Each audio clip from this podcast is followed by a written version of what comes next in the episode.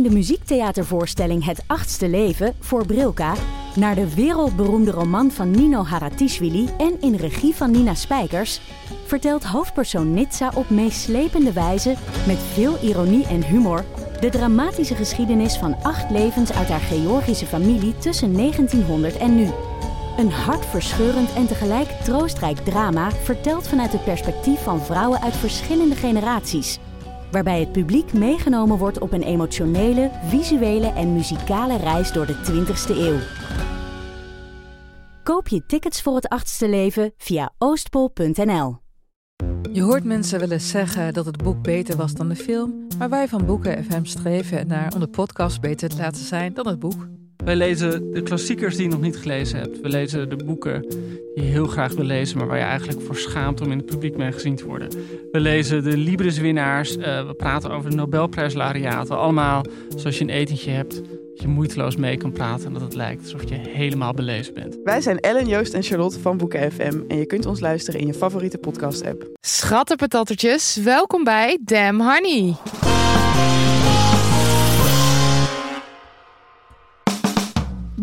Podcast over shit waar je als vrouw van deze tijd mee moet dealen. Mijn naam is Marilotte. En ik ben Nidia. En dit is aflevering 108. Ja, Ja, heerlijk.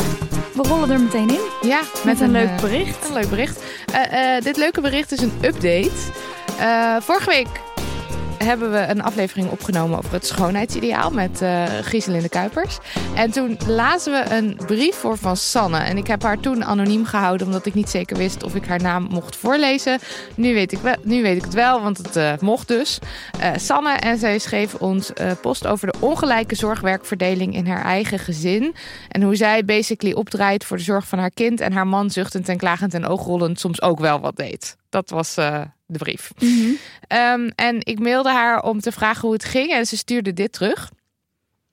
Hoi hoi, het gaat al wel een stuk beter. Deels doordat de situatie wat is verbeterd en deels doordat ik het ben gaan accepteren dat het niet volledig eerlijk is.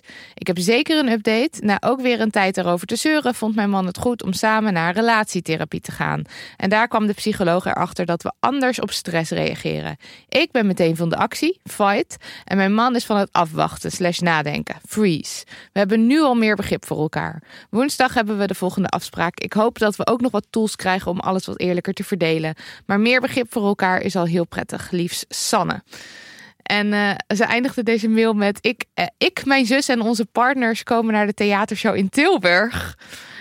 En dat was vorige week. Ja, ik ben heel benieuwd wat, Maar, ze, wat ja, ze ervan vonden. en vooral ook de partner. Want er zit één zin in die ik best wel voor hem geschreeuwd heb.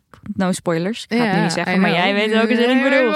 Eh, Oké, ja. Maar ik vond, het, eh, ik, ik vond dat wel grappig dat, dat ze dan dus wel met de partners. Want uit die eerste brief dacht ik, nou, hij wil helemaal niet. En dan komt hij wel gewoon mee naar onze show. En Ja. dan vind ik dat wel weer heel erg leuk. Maar ja, hij heeft een freeze.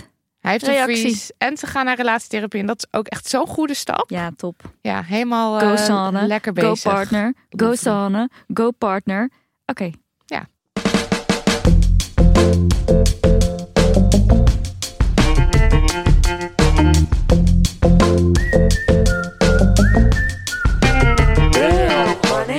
Demonino's. De Manino's. Ik heb ze. Jij hebt ze. Even een, eh, een blik op de afgelopen week. Ja, nou komt ie. Listen, dit stond op RTL Nieuws. Deze kop. Werknemer ontslagen na voor de grap tussen aanhalingstekens aanraken borsten collega. En de titel was eerst dit. 37 jaar in dienst, ontslagen om foute borstengrap. Dus deze titel is aangepast en ik denk naar Ja. kritiek. Oké, wat is er gebeurd? Nou, dit. Een 62-jarige timmerman is op staande voet ontslagen door zijn werkgever omdat hij als grap tussen aanhalingstekens, de borsten aanraakte van een collega. Hij heeft 70.000 euro ontslagvergoeding geëist, maar daarvan heeft de rechter gezegd: nee, nee meneer, nee, daar kunt u naar fluiten. En dan staat er in het artikel: de 62-jarige timmerman werkte sinds 1984 bij zijn werkgever en kon. eh, en, eh, en, en had een onberispelijk dienstverband tot 15 maart van dit jaar, toen het tijdens een lunch met vijf collega's misging.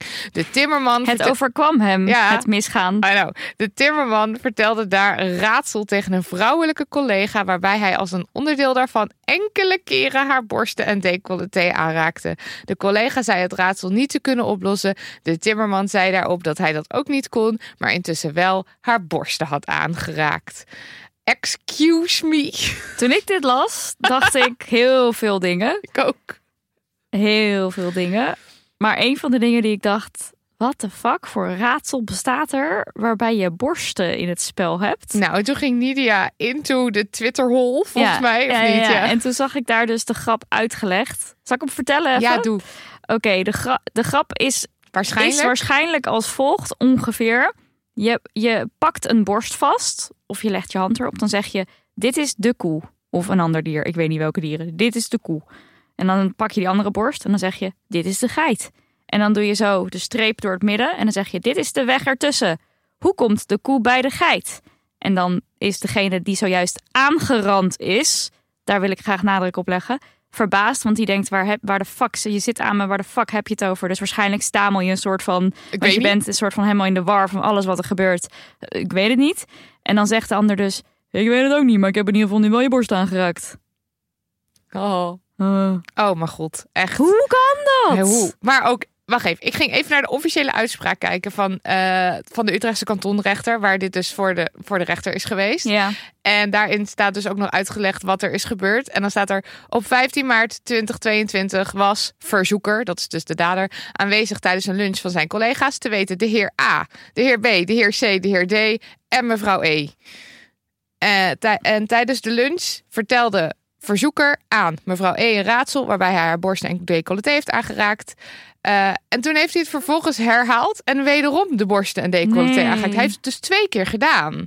En, nou, en eh, zij wist het antwoord op het raadsel niet. En toen reageerde hij zo van, ik heb wel je borst aangeraakt. Maar hij heeft dus, zeg maar, in dit artikel staat één keer... Of in ieder geval, hij heeft het dus nog... eh, nou, sorry. Ik, maar hij heeft het hele riedeltje nog een keer gedaan. Ehm, Het is echt, ik, en er zijn een paar dingen ook waar ik over val hier in deze berichtgeving. Omdat er zo. Er wordt dus heel erg de nadruk gelegd op zijn eh, onberispelijke dienstverband van 37 jaar. Ja, En mensen vallen er dus ook over dat hij eh, op staande voet ontslagen is en geen geld meekrijgt. En Wat dat hij nu ook geen aanslag, aan, aanspraak kan maken op, eh, op ehm, wat is het? Eh, WW-uitkering of zo, weet ik veel. In ieder geval, hij krijgt het dan lastig. Nu met geld, want hij heeft geen baan en hij heeft nergens recht op. En dan zitten mensen van, wat zielig, want hij heeft 37 jaar een onberispelijk dienstverband. Wat maakt het uit? Ik bedoel, als hij drie maanden een onberispelijk dienstverband had, dan had het niet gemogen en dan Ja. nu wel. iemand die zei van, zou je het dan ook zielig vinden als een 25-jarige guy dit zou overkomen en ontslagen zou worden? Het is toch terecht dat hij ontslagen wordt? Ja. Maar er wordt een soort van, oh, die arme, arme, oude man.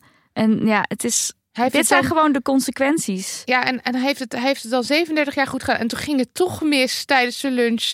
Helemaal Ja, buiten en hij zijn dacht eigenlijk... dus van, ik, eh, want het is niet zozeer het ontslag waar hij dus... eh, waar hij voor naar de kantonrechter ging. Maar omdat hij dus die eh 70.000 k nog eventjes wilde hebben. Ja, dat hij- is waarvoor hij naar de rechter is Hij, gegaan. hij vond niet dat het genoeg voor de werkgever genoeg grond was om hem op te ontslaan zonder hem een zak Ja, geld mee te dus geven. geef, geef een zak geld. Ja. ja. En ik, wat ik ook heel raar vind is, nou, ach, die arme oude man. Sorry, het is geen kleuter. Nee. Hij is niet twee, hij is 62.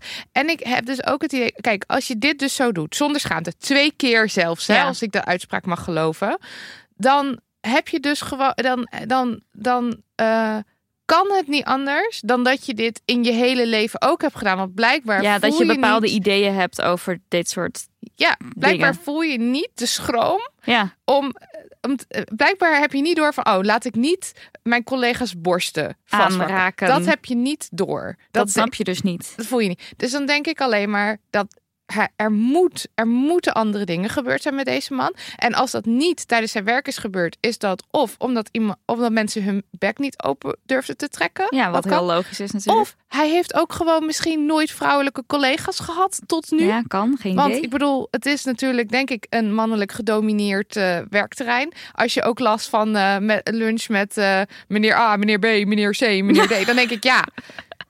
Wat deden meneer A, meneer B, meneer C, meneer D eigenlijk? Maar ook, je ziet alweer dat er gewoon overwegend veel mannelijke... In ieder geval aan die tafel zaten. ja, klopt. en, en dat die dus... Ja, god. Ja, maar het is, dit heet toch, er is toch een naam voor dat we sympathie, zo'n Engelse term is ervoor, dat je dan sneller sympathie hebt voor mannen.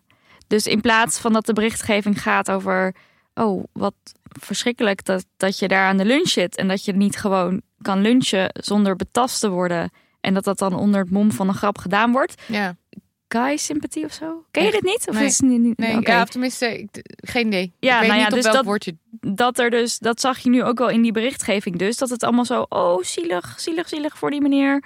Dat. Ja, maar... maar het- In plaats ja, van voor het- het slachtoffer. En het is, het is natuurlijk ook als het gaat over eh, eh, heftigere zaken, waarin er. Ehm, ja, even trigger warning, toch even kort over, over femicide bijvoorbeeld. Mhm. Dat, je, dat het altijd toch gaat over, of vaak toch wel gaat over, ach, ik had het nooit verwacht van hem. Het was zo'n aardige man, altijd in voor een praatje. Hij heeft hier nog de heg gesnoeid of zo. Ja. En, en dat het dan nooit gaat over dat slachtoffer. Of in ieder geval dat daar minder de nadruk op legt wie Ja. dat dan was. En, Ja. en dat is hier eigenlijk een beetje het, hetzelfde. Dat het van, eh, ach, deze man met dit onberispelijke verleden, die al zo lang als timmerman werkt, eh, tijdens de lunch ging het helaas mis. Het ging mis. Ja, Ja, en dan is- ook dat het woord grap dan in zo'n artikel twee keer staat en het woord aanranding nul. Ja, en dat wordt dan dus later wel gecorrigeerd, maar dan wel weer te laat. Nee, maar het, Maar het niet eens, nee, het wordt niet eens gecorrigeerd. Het woord aanranding staat er niet in. Nou, oh nee, oké, oké. Maar ze hebben die, die ontslagen om foute borstengrap. Ja, dat hebben ze wel aangepast. Ja, want dat, dat was dus voor de- 37 jaar in dienst. Ontslagen om foute borstgrap. Dat Ja. is wat het was. En dat is zo'n kuttekst. Want als je dat leest, dan denk je, en je gaat het artikel niet lezen, dan denk je dus dat deze man na 37 jaar in dienst te zijn, dat hij heeft gezegd, borsten. borsten grapje. En dat dat dan, Ja. want een borstengrap, dan denk je niet dat er aanranding, dus, dus het betasten van geweest is. Nee, want ik had bijvoorbeeld... Wij hadden gisteren het gesprek daarover. Toen was je dat aan het uitleggen over dat koe. en Over die schapen. koeien en die En toen dacht ik, maar hoe weet je dat dan? Ja. Want eh, hoe weet je dat het niet gewoon was? Want dat hij zei, oh, jij borsten of zo. Ja, maar er stond wel in het artikel toch Nee, dat het know, maar ik had dat ging. artikel dus nog niet gelezen. Oh, oké, en ja. toen ging ik het artikel lezen. En toen dacht ik opeens, oh ja, nou snap ik ook waarom jij er zo zeker van bent dat, dat, dat het waarschijnlijk die grap is. Ja. Want bij welke andere grap pak je fucking borsten vast? Ja, ik... Ja. Ik weet het niet. Ik ben er helemaal van ondersteboven. En ik ben blij dat die kantonrechter wel gewoon inziet dat dit aanranding is. En gegronde reden om iemand te ontslaan. Ja. Tering. Nou, en dan heb ik nog een no. En ik wil het daar graag even En dan over heb ik nog een no. Ja, wil ik graag even over hebben. Want eh, het zit er nu toch aan te komen. We praten er met z'n allen al maanden over. Eh, Oh jaren. ja, jij ook? Jaren. Nou, het land praat er denk ik al jaren Dat over. is zo. Sinds 2010 Wat een opbouw, wat een spanning. Waar gaat het over? Het gaat over het WK in Qatar. Wat op 20 november gaat beginnen. Met een wedstrijd tussen Qatar en Ecuador. En maandag Oeh, de ene... praat, praat voetbal met een... Mm, prrr. Ja, ik helemaal opzoeken, googelen. Wanneer gedoe. begint WK? Geen idee. Tegen wie eerste wedstrijd? Ja, precies. Nou, Qatar tegen Ecuador dus. En maandag de 21 voet, voetbalt Nederland tegen Senegal. Waarom al deze informatie verstrekken? Überhaupt. Ja, want we gaan er namelijk niet kijken. We doen het niet. Nee, we doen niet meer mee. Ehm eventjes. Dit hele evenement is zo omstreden. Het kan bijna niet anders dan dat je iets langs hebt zien komen over Qatar. En alle haken en ogen die er zitten aan dat zij dit evenement hosten. Dat dit land het evenement host. Ehm, nou, ik toch maar even kort alles langslopen. Of tenminste, alles wat ik kon vinden. De dieptepunten.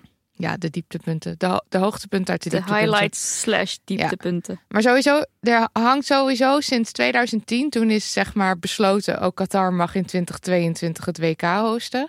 Hangt er al een hele rare vibe van corruptie en geheimzinnigheid eh, rondom de hele toe. De FIFA is kut. Corruptie. Hoor ik iets? ik hoor iets. Geheimzinnigheid. Huh? Hoor jij dat ook?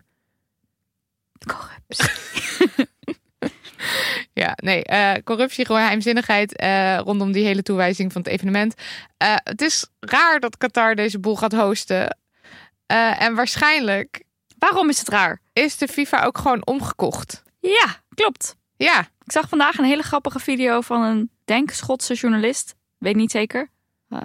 Die bij zo'n persconferentie zo smakgeld zo op die tafel legde van die eh, directeur van FIFA of zo. Ja. En dan zegt hij, hier, voor Noord-Korea, daar is volgende WK. En toen gooide hij het zo nog zo'n I smakgeld love over it. hem heen. Ja. Dit is heerlijk.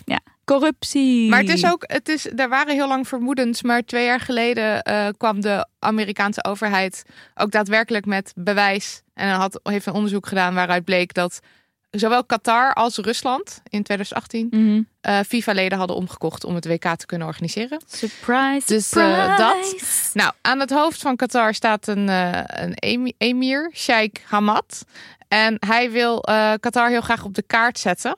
Dus hij begon een internationale campagne om het imago van het land op te poetsen. Het is bijvoorbeeld een, eh, een absolute monarchie. Het is niet een democratische staat. En eh, hij, hij wilde dit eh, doen door internationale sportwedstrijden naar Qatar te halen. En daar- Dat is ook gelukt. dat is gelukt, want het begon met het wereldkampioenschap handbal in 2015. Wielrennen 2016 en atletiek in 2019. En nu dus het WK voetbal en dat is al toegewezen in 2010. Wat een beetje geld wel niet kan doen, hè? Geld Echt, maakt hè? niet gelukkig, zeggen sommige Nee. mensen. Maar ik denk dat eh Hamad daar heel anders over denkt. En ze hebben gas, hè? ja, Ja. waarom denk je dat ze geld hebben? I know. Maar ik bedoel, dit is ook gewoon... Ja, nou, anyway. Eh, en deze internation- eh, door de internationale sportwedstrijden te organiseren... eh, wilde Emir dus heel graag de aandacht afleiden van schendingen van mensenrechten.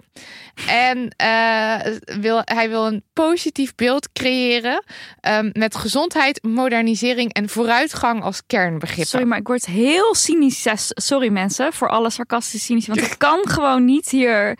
Normaal nou ja, over praten. Ja, praat maar verder. Ja. Ik zal af en toe een, een kutopmerking maken. En dan een zure opmerking. Bij de officiële bekendmaking bedankte de, de emir, dat was dan een andere dan nu, maar eh, de FIFA dan ook voor het getoonde geloof in verandering.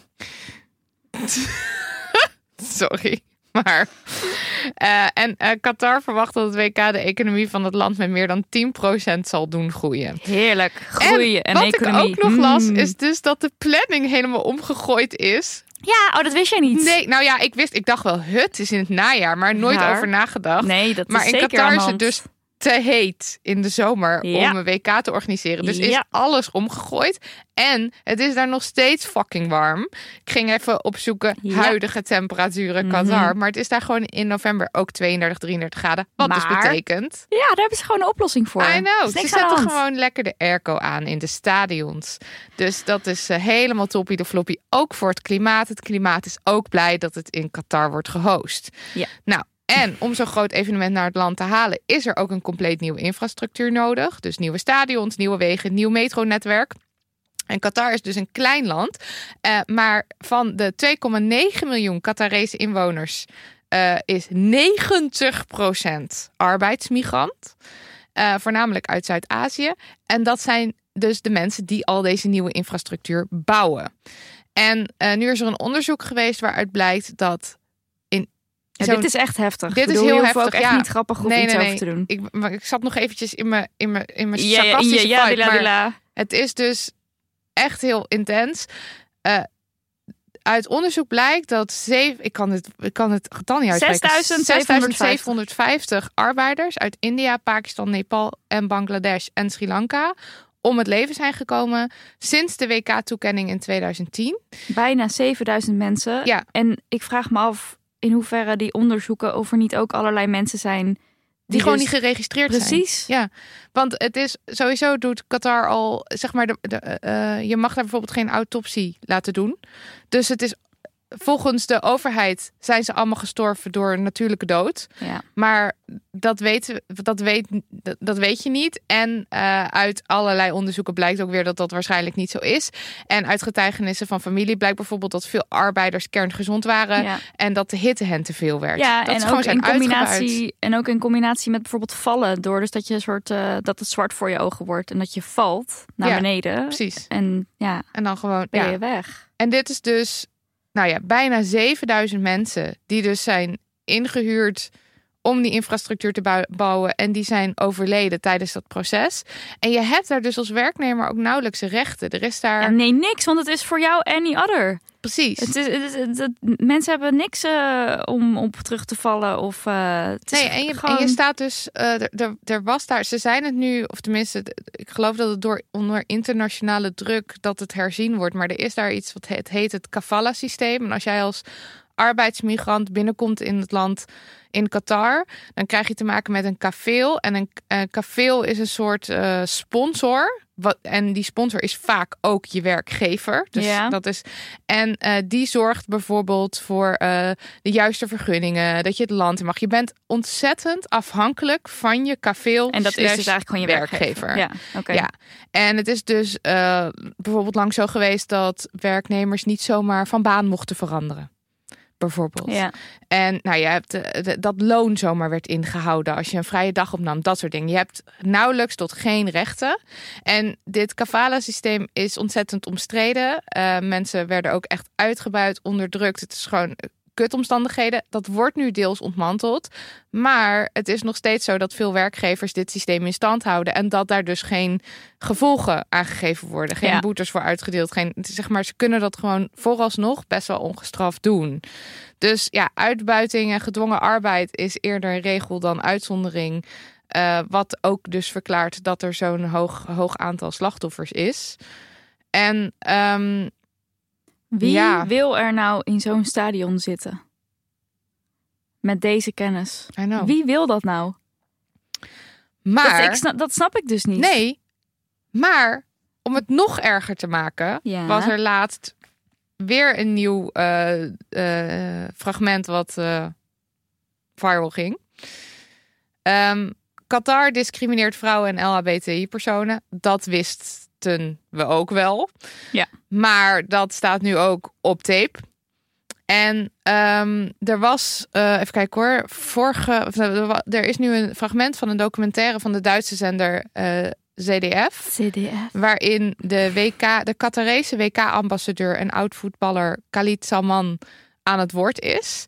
En daar zegt hij bijvoorbeeld over homoseksualiteit. Tijdens het WK komen er veel mensen het land binnen, bijvoorbeeld homo's. En, dat dan- vind ik dus eigenlijk raar, want het, hij, is helemaal niet, hij praat helemaal niet over homoseksualiteit. Hij praat over er komen veel mensen het land binnen en dan opeens moet hij het homo's, over ja. homoseksuele mensen. Ik snap het niet. Het belangrijkste is dat iedereen zal accepteren dat ze hier komen, maar ze zullen onze regels moeten accepteren. En hij noemt dan, Ja, en die journalist die zegt dan ja, maar volgens Maar als de regels hier is het verboden? Ja, En daar zegt hij dan niet zoveel over. En dan zegt hij daarna. eh, hij heeft er moeite mee als kinderen homo's zien, omdat ze dan iets zouden leren dat niet goed is. En in zijn ogen is, is homo zijn haram en verboden. Het is geestelijke schade, zegt mental hij. damage. Ja. En op dat moment, zodra hij mental damage zegt, eh, zie je zo'n eh, woordvoerder van het Wil organisatiecomité. je zo een van, eh, wandeltje maken? Zegt hij tegen die journalist. Ja, en dan neemt hij zo mee. Ja. Oh. Maar goed, dat is alweer heel erg duidelijk. Dat dus zeg maar hier eh, eh, homoseksualiteit als iets, eh, iets, iets slechts, als een ziekte wordt neergezet. En dan daarna in diezelfde documentaire worden vrouwen ook, nou, daar worden ook uitspraken over gedaan. Ehm, en je ziet dan de journalist aan tafel zitten met volgens mij een aantal eh, organisa- organisatoren van het WK ook.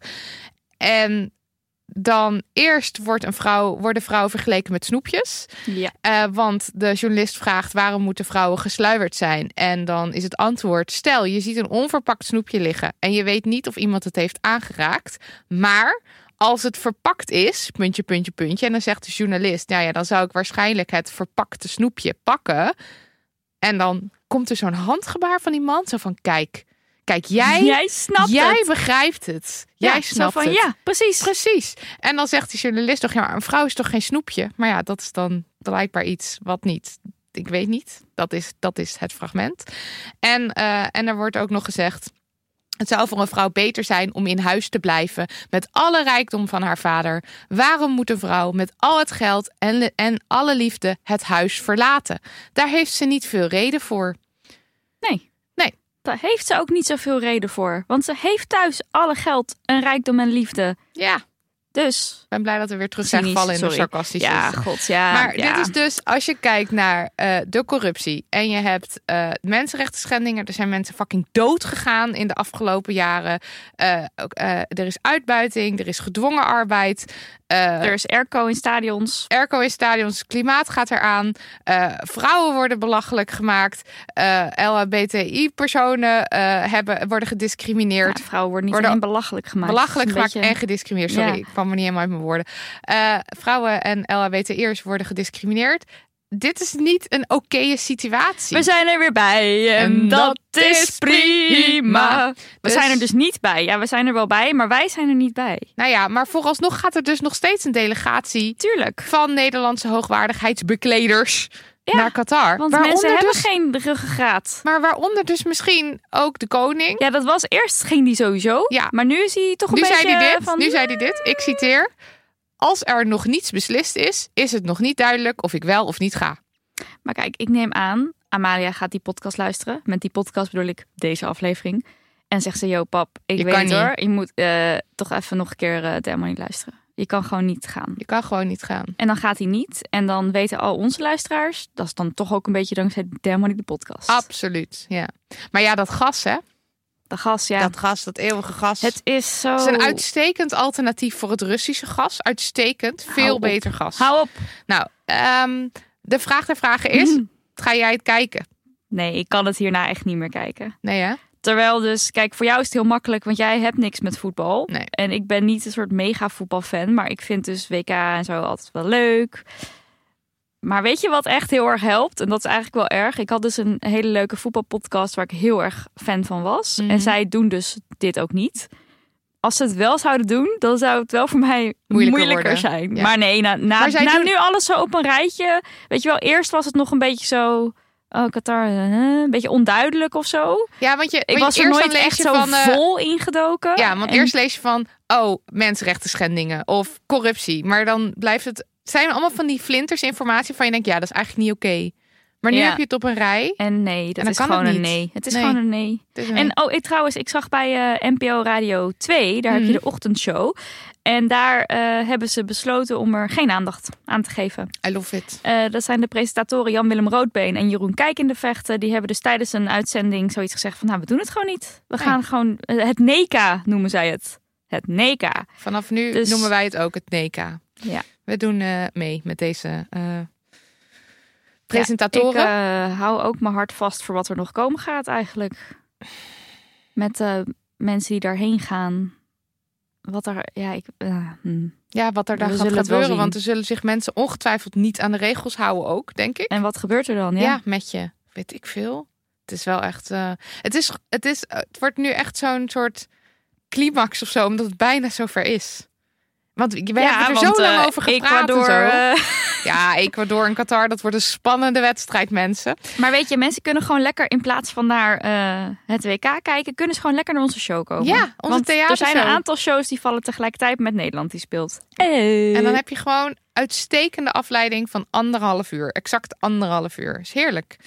Jij had nog een persoonlijke no. Oh ja, god, ja. Een persoonlijke noot, dit is niet nieuwswaardig. Ehm, mijn ouders die zijn gescamd via de WhatsApp. En ehm, waarom ik het hier eventjes zeg, is om mensen toch wel weer heel even extra alert erop te maken. Want ik heb dus wel tegen mijn ouders gezegd van... hey, wij vragen nooit om geld, wij is mijn zus en ik. We vragen nooit om geld via de app. Echt niet. Niet reageren, niet doen. En toch is het dus gebeurd. En ehm, mijn moeder die ehm, ging gewoon meteen in een soort actiemodus van mijn kind, mijn dochter.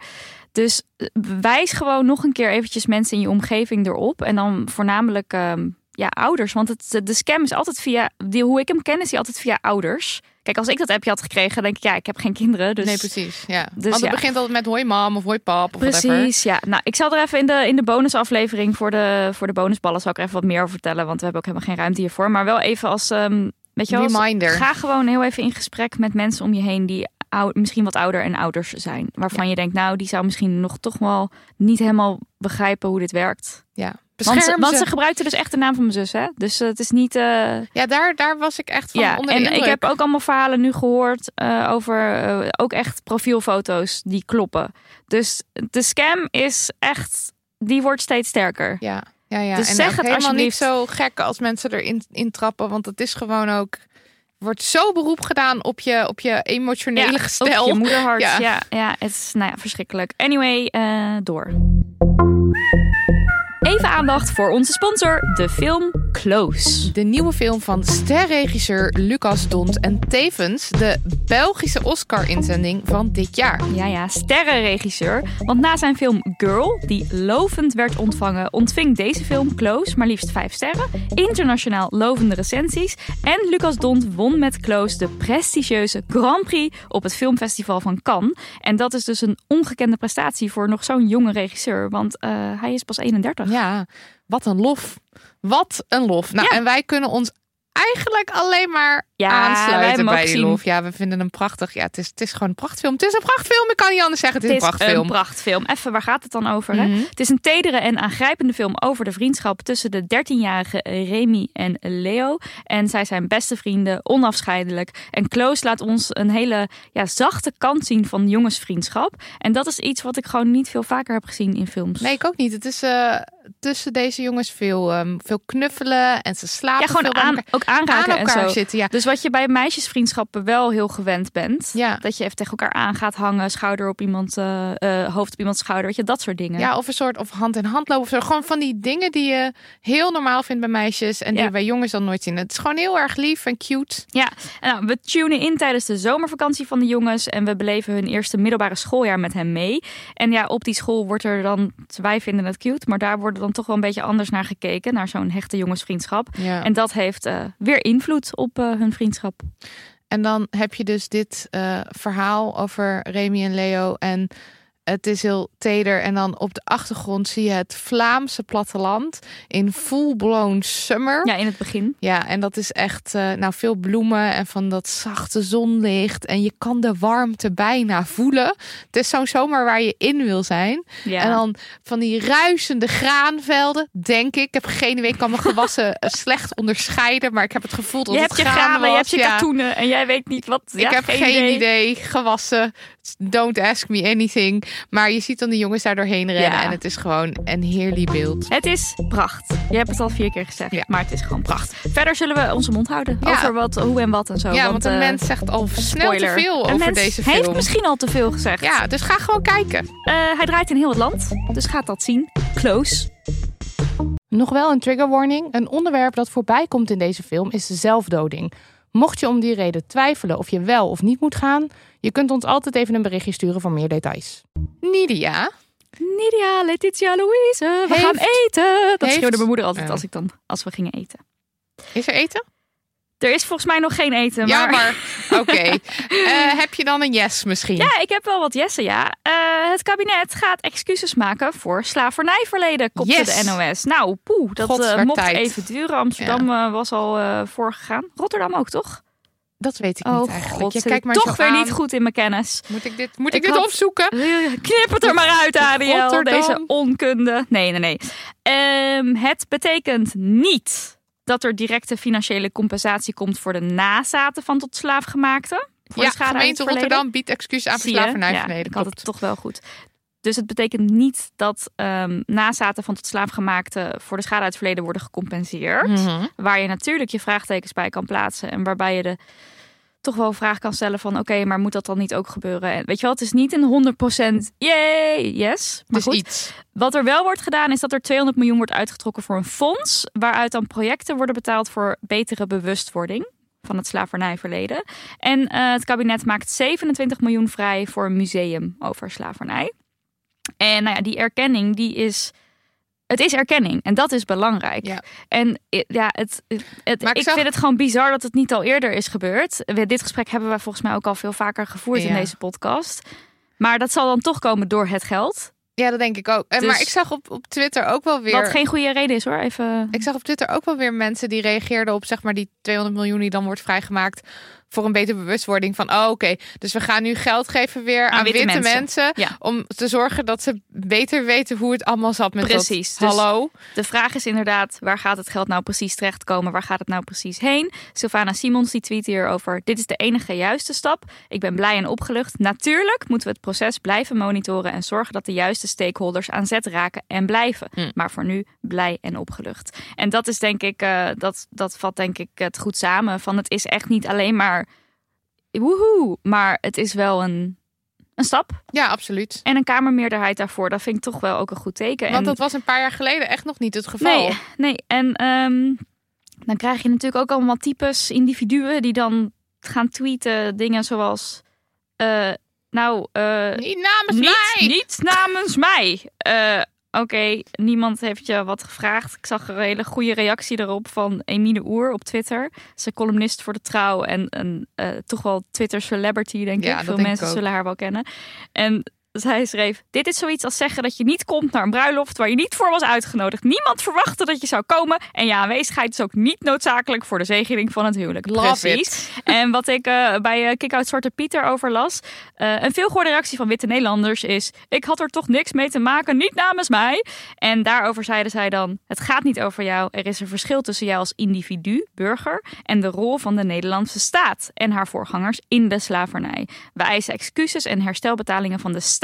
En niet van individuele, individuele Nederlanders. Er is een belangrijk verschil. Ja, En dat is het ook. ja. Ja. Dat is, het, gaat gewoon niet over individuen. Jij hebt zelf. Is moeilijk al- als het niet mensen over jou die gaat een keer. leven, die hebben gewoon niet individueel persoonlijk schuld eraan. Nee, maar we hebben wel allemaal nog ehm, ofwel eh, Voordelen. voordelen of Ja. nadelen. En dat moet ook erkend worden. Ja. Eh, weet je, dan krijg je toch mensen van ja, maar in Nederland is toch iedereen gelijkwaardig? Eh, artikel 1. Nee, Dat is niet zo. Institutioneel zijn- racisme, precies, racisme algemeen. Het is allemaal nog steeds aan het systeem zoals het nu is, dat is een erfenis van dat slavernijverleden. En daar moeten we ons gewoon heel erg bewust van zijn. Dus ergens ook goed dat er dus geld naartoe gaat om dat bewust, ja, toch? Ja, Ja, het Ik- is, ik- die, maar die educatie is wel heel belangrijk. ja maar ik snap Het- dubbele gevoel je wil gewoon, dat de juiste mensen aan zet zijn waarbij dat geld terechtkomt om die programma's te ontwikkelen. Ja. Nou ja, oké. Dan ehm, hadden we het vorige keer bij de Yes No aflevering over de soepgooiers Ja. van Stop Oil Now. Kregen we nog heel lief bericht van iemand die eh, zelf in de kunstsector werkte en zei ja, kunst is gewoon voor mij super belangrijk en ik vond het allemaal maar kut, maar dankzij jullie heb ik toch nu een iets wat meer genuanceerde blik erop en bedankt daarvoor. Vond ik heel lief. Vind en ik ook, heel wel erg leuk. Weet je wel, het is, het is soms niet altijd even makkelijk of zo om, om je mening bij te stellen. En dat je dat dan ook nog even op papier zet. Ik vind dat dan toch wel weer. Ja, dat waarderen Waardevol. we heel erg. Ja. Vind ik echt leuk als mensen even een Ehm, berichtje sturen daarover. Nou, die, eh, die soepgooiers, dat was Stop Oil Now. En Greenpeace en Extinction Rebellion, die waren hier weer even heerlijk bezig. Want er was een mega-actie op Schiphol met meer dan 500 actievoerders. De beelden waren ook fantastisch. Ik zag allemaal mensen op fietsen zo Schiphol eh, oprijden en eh, plaatsnemen onder de privéjets. Om te voorkomen dat ze konden opstijgen. Briljant. Eh, en sommige mensen hebben zich ook vastgeketend aan de toestellen. Met succes, want de toestellen zijn een aantal uur ook niet van de grond Serieus, geweest. groot respect hoor, als je dit doet. Ja, Hoe tof. En er zijn veel mensen ook opgepakt. Ja, en die hebben en ook weer lang in de bus gezeten. oh. En die mochten niet plassen. En er werd iemand onwel. En er was en geen er werd eten. iemand van een fiets ges- Ja. geslagen op zo'n harde manier ja, ook weer. weer dat je denkt, Hoe dan? typisch, Ja, typisch, typisch. Typisch, typisch. Nou, waarom is dit nou? Waarom hebben ze het nou op deze manier gedaan? Nou, Schiphol en eh, luchtvaart, dat is natuurlijk één grote eh, shitshow wat betreft de klimaatcrisis. Want die loopt uit de hand. Eh, maar Schiphol eh, heeft allerlei rare voordeeltjes en uitzondering, on- uitzonderingen waar ze zich dan niet aan hoeven te houden Mhm. of zo, ondanks eh, typisch, klimaatverandering. typisch, typisch. En ehm, eh, die uitzonderingen die gemaakt worden voor Schiphol en voor privévluchten laten precies zien wat het probleem is in de aanpak van de klimaatcrisis, zegt Tessel Hofstede van Extinction Rebellion. De rijke jetset zorgt voor de meeste vluchten en de meeste CO2-uitstoot zonder dat hen een strobreed in de weg wordt gelegd. Ehm, want, dit is dus bizar, privéjets worden niet meegerekend in eh, het besluit van het kabinet om Schiphol te laten krimpen naar maximaal? Meer dan 4 ton vluchten per jaar. Privéjets tellen daar dus niet in mee. Wat? Een recent onderzoek, dit wist jij nog niet. Altijd Nee. leuk als ik een, eh, iets kan zeggen wat Oh? jij dan in de show niet wist. En recent onderzoek van, de, van CE Delft, ik weet niet wie je bent CE Delft, maar bedankt voor het onderzoek, liet zien dat er dit jaar al meer privévluchten werden gemaakt van en naar Schiphol dan in 2019. En zitten bij deze privévluchten ook eh, de minister-president die van, Am- eh, Waarschijnlijk van wel, ja. Amsterdam naar Rotterdam vliegt? Hebben we dat? Hebben we daar ooit over gepra- gepraat in de podcast? Weet ik niet, maar dit is dus ook. We, we kwamen er, of tenminste, er is Hoekstra, die dan zegt van ja, veel gedoe. Dus ik eh, stap gewoon even lekker in het vliegtuig in binnen Nederland. ja. Ik viel van mijn stoel Ik toen ik dat las. ook echt ook van, van Amsterdam naar En Eindhoven dat of zo. lazen Wat wij. was het? Wij lazen dat terwijl we in de trein zaten naar Groningen voor onze, voor onze eerste show met al onze decorstukken. in een opgekropte trein. En toen lazen we dat. Ja, en dan, en, toen dan, dacht ik echt. En dan hoor je mensen zo, en dan hoor je diezelfde mensen vaak iets zeggen als ja, het klimaat is wel belangrijk of zo.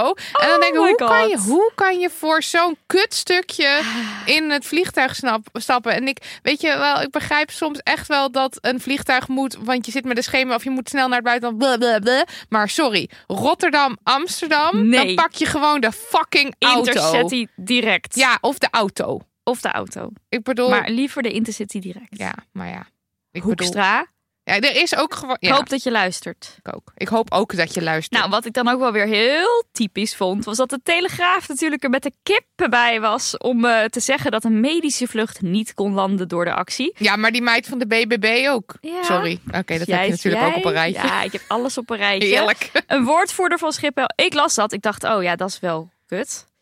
Toch? Ik bedoel, kunnen we wel met z'n allen erkennen Ja. dat dat kut is? Ik las niet dit. Ik las eerst ik las de tweet van dit klopt niet. Want het klopt Oh, niet. die las je als ja. eerst. Ja, oké. Nou, een, een woordvoerder van Schiphol die kwam vrij snel met het tegenbericht, tegenbericht. Medische vluchten konden onverstoorbaar doorgaan. Er zijn ook en zijn ook onverstoorbaar doorgegaan. Nou, dat is een hele duidelijke zin. Ja. Dat is, daar valt niet een soort van aan te van- nee, dat is gewoon wat het is. En toch zijn er dan politici die hierover tweeten en vervolgens hun tweet niet verwijderen, nadat blijkt dat het dus niet waar is en mensen daar ook die politici op wijzen. En dat vind ik heel erg kwalijk en eigenlijk ook gewoon heel eng. Ja. Want dan ben je dus heel bewust fake nieuws aan het verspreiden. En dan laat je het gewoon staan. Kijk, dat dat bericht gedeeld wordt door Daniel Koerhuis, VVD, en Caroline van der Plas, BBB, B, BBB, BBB. Ik snap dat, want het past precies in jouw straatje. Dus net zoals dat ik ga delen van yes, actievoerders gaan zij delen. Oh, erg, door jullie. Dat, ik snap dat. Dat is verschrikkelijk, maar dat is nou eenmaal waar zij hun, hun likes en kliks en weet ik veel en hun stemmen op, eh, op genereren. Dus ik snap het. Maar als je dan meteen onder je tweet, je kon gewoon zien dat mensen zo, nou, in binnen een half uur of zo niet, al gingen niet, reageren. Ja. En dat je dan dus niet dat ehm, erkent, is fucking schadelijk. Daniel Koerhuis, Space Kuurhuis, Hu- huis. Ik zeg altijd Koerhuis. Koerhuis. Koerhuis. Heel moeilijke naam voor mij. Koerhuis. Dat je dan dus dat niet erkent, dat vind ik echt heel schadelijk. Dat heeft hij dus ook niet gedaan. Nee, nog even je mond houden. Caroline van der Plas heeft dat semi gedaan. Ja. Maar echt wel ook opvallend. Ik ging even kijken op haar Twitterlijn. Zij tweet veel, hè? Elke dag vijf, 100 vijf zes Ja. tweets of zo. Nou, dan in de middag tweet ze dan dus die mislukte vluchten. Vervolgens verdwijnt ze van Twitter. Blijft die tweet daar gewoon lekker staan. Terwijl mensen daar massaal onder aan het posten zijn. Schiphol heeft dit weersproken. Schiphol heeft dit weersproken. En de volgende dag eh, tweet ze dan... Er is zelf besloten om uit te wijken, kennelijk. Volgens Greenpeace en Extinction Rebellion was dat niet nodig geweest. Blokkades moeten kunnen, maar veiligheid mag nooit in geding komen. Dat geldt voor deze en alle protestacties wat mij betreft. En wat ze hier doet, is niet zeggen... hey, Schiphol zei dat er niet uitgeweken hoefde te worden. Huh. Uitgewijken, uitgewoken. Uitgeweken. Ja. Uitgewookbeweging. Uitgewoken beweging. Uitgewoken beweging. Ja. Ehm, dat zegt ze niet. Nee, ze zegt Greenpeace en Extinction Rebellion. Die hebben gezegd, oh dat vliegtuig met Kennelijk. die medische... Dat, Kennelijk. Het is allemaal, het is gewoon verschrikkelijk. En eh, dit doet ze dus ook pas de volgende dag. Ook weer in de middag. En dan daarna gaat gewoon het Twitter, Twitter riedeltje gaat gewoon weer lekker aan. En dan gaat ze gewoon weer elk half uur weer een tweetje eruit sturen. Dat is, ja, ik kan dan toch, ik heb dan echt mijn vraagtekens erbij, wat daar voor een integriteit achter zit. Ja, want iemand of je hier, dat dan dus zij- niet heel bewust aan het doen bent. Zij heeft hier namelijk ook, zij heeft die tweet, die tweet er nog staan van woede om onacceptabele klimaatactie Schiphol medische vlucht met patiënt kan niet landen. Dan staat eronder, ja, hoi Lientje, ben ik weer, rectificeer nou even, dan kunnen we allemaal door. ja, Lientje, omdat dat haar eigen Insta-handle is. Hè? Oh Dat- ja, ja, ja. Hoi Lientje. En dat zegt dan Twitter iemand van, dan kunnen we allemaal weer door. De rectificeer nou even. Staat daaronder van Caroline van der Plas. Al lang gedaan, u had de hele dag al verder gekund. En dan zegt iemand, maar waarom laat je die tweet wel gewoon staan? En daar geeft ze gewoon geen antwoord op. Maar ze heeft toch de volgende dag pas gedaan? Hoezo Ja. al lang gedaan? Dit is, dit is ook een, zeg maar, de tweet was op 5 november. Ja. Maar dit is een eh, reactie van 6 november. Ja. Van rectificeer het nou eventjes. Ja, En haal die tweet dan weg. En het was dus ook niet een echte rectificatie. Nee, want het is weer- kennelijk. En ook weer het, weer het leggen bij Extinction Rebellion bij Greenpeace. Buh. Maar ik bedoel, ik wil graag heel, heel even terug naar de boerenprotesten. Hè? Want daar was het daadwerkelijk zo dat ambulances er niet door konden. Ja. En daar heeft, ik bedoel, misschien heeft ze wel gezegd van, Daar oh, dat zij, moet niet zij kunnen. Tweet, zij heeft getweet dat ze daar zich ook over uitgesproken heeft. Daar wil ik dus, daar kan ik geen uitspraak over doen, want ik ben niet zo op de hoogte van deze vrouw dat ik tijdens alle boerenprotesten weet wat zij daarover wel, want gezegd zij zal, heeft. zij zal wel zeggen van dat dat, Dat vind ik ook niet oké. zo bla bla Ja. bla. Maar ik vind het gewoon zo apart hoe ze hier dan zo op, zeg maar, hier is de felheid en ze Ja, springt erop. En dit deze ene medische Precies. vlucht die dan uitgeweken zou zijn, wat niet zo is, daar is alle aandacht dan op, terwijl er Ja. meerdere fucking ambulances niet door konden. Hè? Ik vraag, ik, vraag me ook af, een medische vlucht, is dat dan per definitie iets wat ehm, tijdnood heeft? Dat weet ik niet. Maar ik Nee, zou maar zeg zeggen, maar, een weet- medische vlucht We moet weten, gewoon... ge- we weten het gewoon niet eigenlijk. Nee. Er is gewoon heel weinig informatie beschikbaar. Oh, maar kan ook echt. En dan, en dan, ah, ja. Oké, nou Extinction Rebellion die zetten gewoon de dag daarna op maandag 7 november nog even lekker een goede werk voort. Voor, voort. Want elf activisten die hebben toen de raadsvergadering in Emmen verstoord om aandacht te eisen eh, voor eh, het Zwarte Piet, eh, voor, voor Zwarte Piet niet toestaan tijdens de intocht in Mhm. Emmen.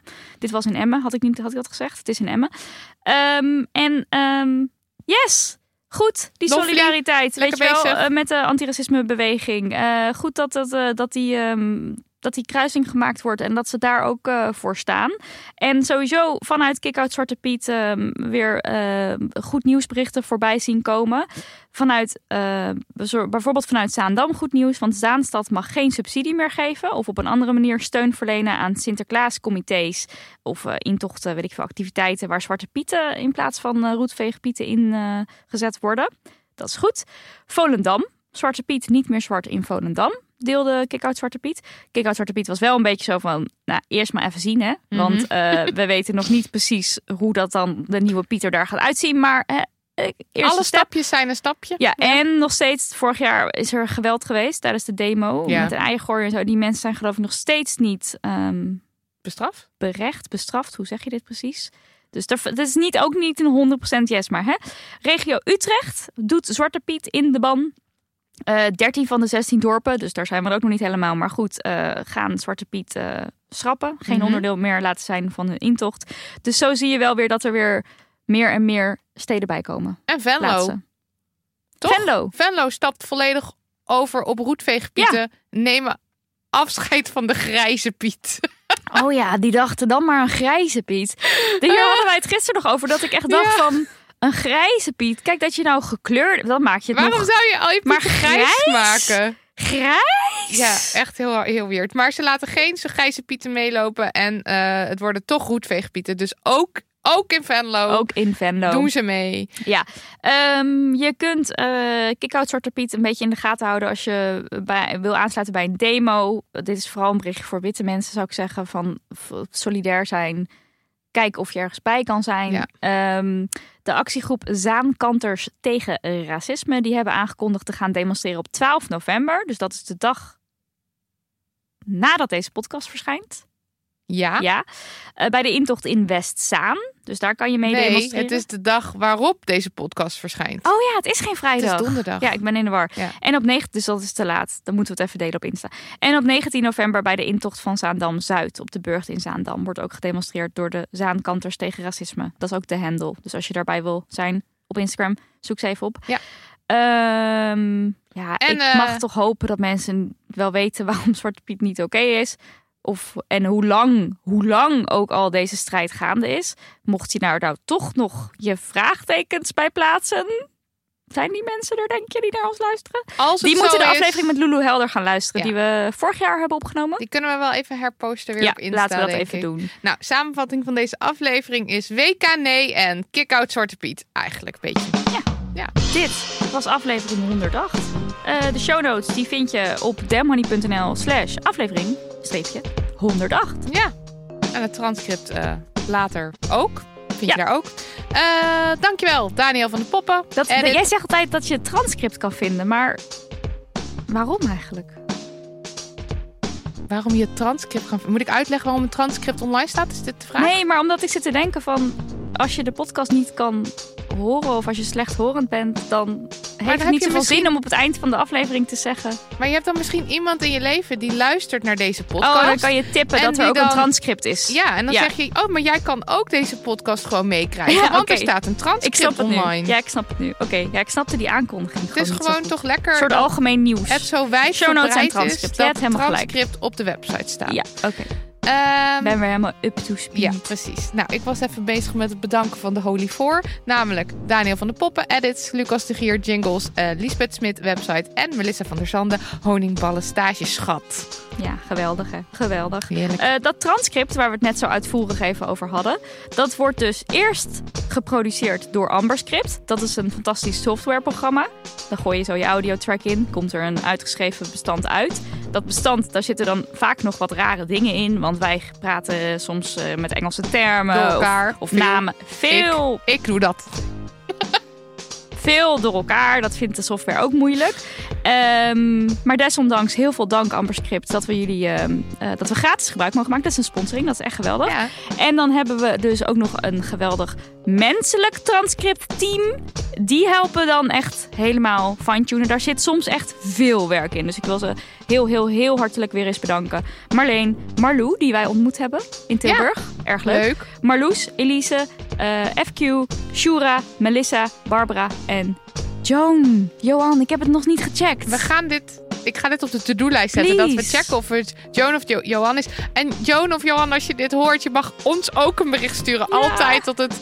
Misschien spreekt het oké. wel heel anders uit. Ja. Eh, wij gaan nog even doorkletsen in eh, je, doet het er, je doet het er maar mee, de podcast. A.k.a. de bonus podcast. Ja, die, die- beschikbaar is voor al onze petje-affers. ja, die kan je dus alleen maar luisteren als je ons vanaf 1 euro per maand eh, steunt. Dat vinden we heel fijn. Dan kunnen we allemaal mooie vette dingen doen daardoor, dan, dankzij die mensen. Petje, petjeaf.com slash themoney. Ja. Maar je kan het ook laten. Ja, gewoon niet doen joh. Ja, Kan je zelf weten. Altijd zelf weten.